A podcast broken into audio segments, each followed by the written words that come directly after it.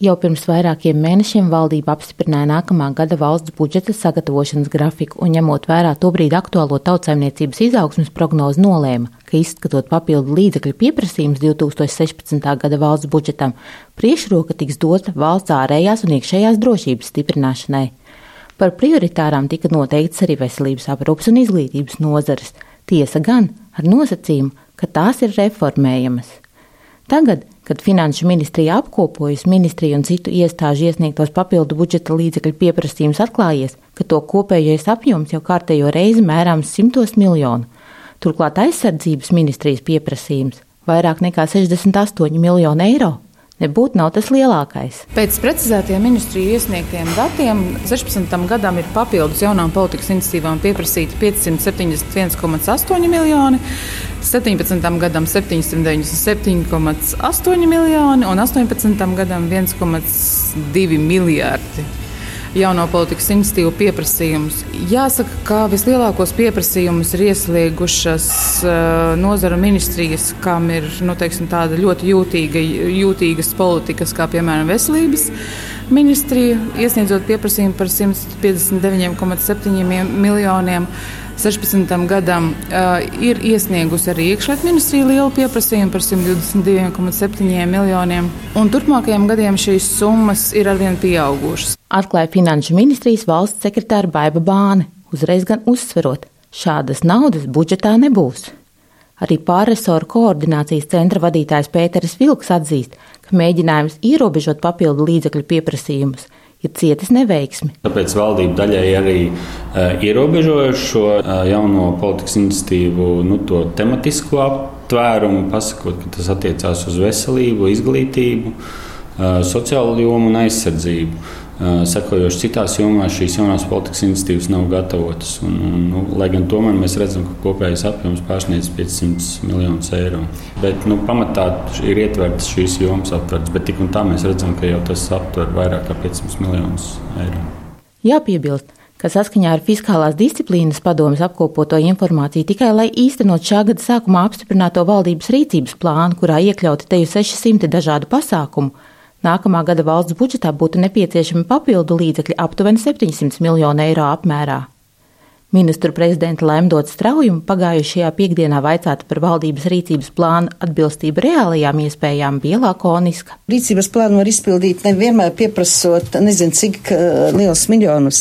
Ir darbi, kas jādara bez miljoniem. Tikpat striktu nostāju pauž arī Finanšu ministrijas valsts sekretāra Baiba Bāne. Valdības rīcības plānā visi tie uzdevumi, kas izriet no valdības deklarācijas, ir uh, noformulēti, ka tas tiek veikts nozara ministrijām piešķirto budžeta līdzekļu ietveros. Pārresoru koordinācijas centra vadītājs Pēteris Vilks savukārt atgādina, ka vēlmes un vajadzības, ko ierēģņu valodā ierasts dēvēt par jaunajām politikas iniciatīvām, vienmēr ir jāsamēro ar reālajām iespējām. Valdība veidojot, valdība jau rīcību plāno uz, uz četriem gadiem. Un faktiski mēs saprotam, ka katru gadu budžetā, nu, budžets tā ekskluzīvā lieta, par ko valdība lemj katru gadu. Un nevar jau būt ierobežojums, un arī pie valdības veidošanas nav jāsastāda budžets visiem šiem četriem gadiem. Un skaidrs, ka eh, politiķi, kas nāk ar savām iniciatīvām, viņiem ir kāds redzējums, kuras lietas viņi grib izdarīt. Ir dažas lietas, kas maksā, dažas lietas, kas varbūt nemaksā, dažas lietas, ko var paveikt to naudu, nu, veicot struktūrālas reformas un kaut kā ietaupot arī nozares iekšienē. Faktiski tas aplēsums, ko veids fiskālās disciplīnas padomu, viņš acīm redzot, ir bijis tām hipotētiskajām maksimālām izmaksām. Bet saprotam, ka tās eh, izmaksas vai avotus eh, šiem resursiem var meklēt arī nozares pašā iekšienē. Pirmā ar mudinājumiem domāt par budžeta konsolidāciju klajā nāca Fiskālās disciplīnas padome, kuras aplēses liecina, ka, lai iekļautos jau apstiprinātajos 2016. gada budžeta deficīta rāmjos un nepārsniegtu 1% no iekšzemes koprodukta, veidojot nākamā gada budžetu, būs nepieciešama aptuveni 114 miljonus eiro vērta budžeta konsolidācija. Pēc tam līdzīgu brīdinājumu publiskoja arī Finanšu ministrija. Savukārt Latvijas Bankas prezidents Ilmārs Rimšēvičs savā pagājušās nedēļas preses konferencē jau runāja pavisam bargā tonī. Ministriju pieprasījums pēc papildu līdzekļiem saucot par bīstamiem. Ienākumu šo jauno politikas iniciatīvu apmierināšanai nav. Tā saucamā fiskālā telpa jau ir izsmelta. Mēs jau būtiski pārsniedzam mūsu budžeta mērķi, proti, budžeta deficīta līmeni 1% apmērā. Tomēr redzams, ka iesniegtas vēl ir daudz citas papildus iniciatīvas. Rudenī gaidāmas diskusijas arī par sociālās sistēmas sakārtošanu, kur nepieciešams gandrīz 76 miljoni eiro, jeb aptuveni 0,3% no iekšzemes koprodukta. Jūnijā iesniegtās jaunās politikas iniciatīvas uh, prasa aptuveni 550 miljonus eiro. No kā atskaitot iepriekš jau akceptētās prioritātes aizsardzības jomā, sanāk papildus naudas pieprasījums aptuveni 480 miljonu eiro apmērā. Šo pieprasījumu apmierināšanas gadījumā budžeta deficīta līmenis sasniegtu 3,7% no iekšzemes koprodukta. No visiem šiem paziņojumiem nepārprotami izriet, ka neraugoties uz visnotaļ optimistiskām prognozēm par to, ka 2016. gadā Latvijas iekšzemes koprodukts pieaugs par aptuveni 3%, budžeta konsolidācija ir neizbēgama. Valdības manevra iespējas ir visai ierobežotas arī tādēļ, ka pērn un aizpērn ar budžetu saistītie lēmumi pieņemti paļaujoties uz strauju ekonomikas izaugsmi. Sagatavojot vidēja termiņa ietveru likumu 14. un 16. gadam, nozara ministrijām, piemēram, tika piešķirti 393 miljoni 15. gadam, kas ir reālā izdevuma, kas jau tiek izmantoti. 16. gadam šie izdevumi ir 443 miljoni apmērā. Līdz ar to jau 14. gadu ietveru veidojot uz turpmākajiem gadiem, tika iebūvēts izdevuma pieaugums tām politikām, kas tika uzsāktas 14. gadā. 15. gadā, veidojot ietveru 15. un 17. gadam, 15. gadam tika piešķirti vēl klāta papildus 180 miljoni, 16. gadam 216 miljoni. Pat ja mēs pavērtējam tikai to uh, līdzekļu atšķirību, kas ir, pie, uh, starpība, kas ir piešķirta no 15. un 16. gadu, tad uh, mēs redzam, ka tie ir vairāk kā 40 miljonu pieaugums nākošajam gadam. No pārresoru koordinācijas centra vadītāja Pētera Vilka teiktā izriet, ka tieši iepriekšējos gados pieņemto lēmumu pārskatīšana varētu būt viens no veidiem, kā nodrošināt salīdzinoši mazsāpīgu budžeta konsolidāciju. To resursu jau var meklēt arī no iepriekšējos gados piešķirtā.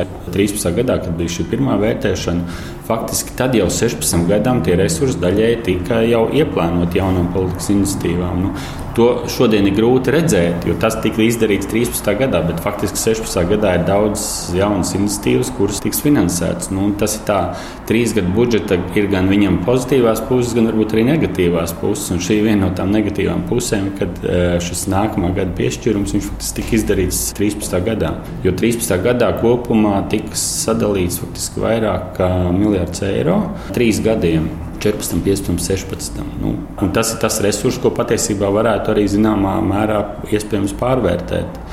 Varbūt, kad apstākļi mainījušies un šogad uh, ir nepieciešams izmaiņas šī 13. gadā piešķirtā 16. gada finansējumā. Tikmēr Finanšu ministrijas valsts sekretāra Baiba Bāna, kura savulaik krīzes gados, jeb tā dēvētajā konsolidācijas ērā atbildēja par valsts budžeta likuma sagatavošanu, paredz, ka tikai ar atlikto tēriņu pārskatīšanu vien cauri netiksim. Veidojot valdībai diskusiju par nākošā gada budžetu, būs jāskatās uz visa veida pasākumiem. Gan uz ieņēmuma sadaļas pasākumiem, iespējams, ka mums ir kāda nodokļu politikas korekcija jāveic, gan uz izdevuma pasākumiem, kas ir pārskatot ministrijām piešķirtos līdzekļus jau iepriekšējos gados jaunām politikas iniciatīvām. Varbūt līdzekļu pārdala resoru ietveros, varbūt līdzekļu pārdala starp resoriem. Tas nav izslēgts, jo budžeta diskusija būs diezgan sarežģīta nākošajam gadam. No ministru prezidents Lemdots Straujumas teiktā noprotams, ka par vienu no pirmajiem upuriem uz konsolidācijas altāra varētu kļūt solījums arī nākamgad samazināt iedzīvotāju ienākumu nodokļa likmi. Piemēram, rēķina, ka tiek samazināts iedzīvotāju ienākumu nodoklis nākošais gadu pa vienu punktu. Tie 60 miljoni. Ja mēs nesamazinām iedzīvotāju ienākumu nodokli pa vienu punktu, Mājienu par iespējamu nodokļu palielināšanu dod arī pārresoru koordinācijas centra vadītājs Pēteris Vilks. Viņš gan uzskata, ka priekšroka būtu dodama patēriņa nodokļu palielināšanai. Arī valdības deklarācijā ir pateikts, ka mēs virzamies to, ka uh, mūsu nodokļu sadale ir apmēram trešdaļa no kopējā IKP. Nu, pašlaik mēs runājam par 27% apmēram kas mums ir nodokļu sekojoši, mēs nevaram finansēt visas, uh, visas tās vajadzības. Un sekojoši, nu, tad avoti ir jāmeklē, vai tas ir kaut kur patēriņa nodokļos, vai tas ienā, uh, iedzīvotāju ienākuma nodokļos. Tas pareizais ceļš nav faktiski nu, finansēt. Mēs redzam, iedzīvotāja ienākuma nodoklis nav tas nodoklis, no kura vajadzētu šīs pieaugušās vajadzības finansēt. Faktiski tie ir patēriņa nodokļi, ar to saprotot akcīzi. nekustamā īpašuma nodoklis. Vidas nodokļi, kur ir potenciālais avots to, to, to naudu gūt vēl papildus. Viņam pievienojas arī Finanšu ministrijas valsts sekretāra Baiba Bāne. Kā mēs zinām, Latvijai nodokļu sloks pret iekšzemes koproduktu ir viens no zemākajiem Eiropas Savienības valstīs. Tie ir tikai 27%. Skandināvijas valstīs tie ir vairāk kā 40 pat 50% atsevišķās valstīs. Līdz ar to mēs par Latvijas nodokļu uh, slogu pret iekšzemes koproduktu droši vien nevarēsim vēlēties tādus pakalpojumus sabiedrībai, kā tiek nodrošināts Skandināvijas valstīs. Rezumējot, var teikt, ka politiķu solījumos un dažādos politikas plānošanas dokumentos ietvertās apņemšanās saduroties ar budžeta realitāti jau kārtējo reizi ir izčibējušas, atstājot vienu atklāsmi, ka visu nevaram un vēl ilgi nevarēsim atļauties. Madara Friedrichsone, Latvijas radio.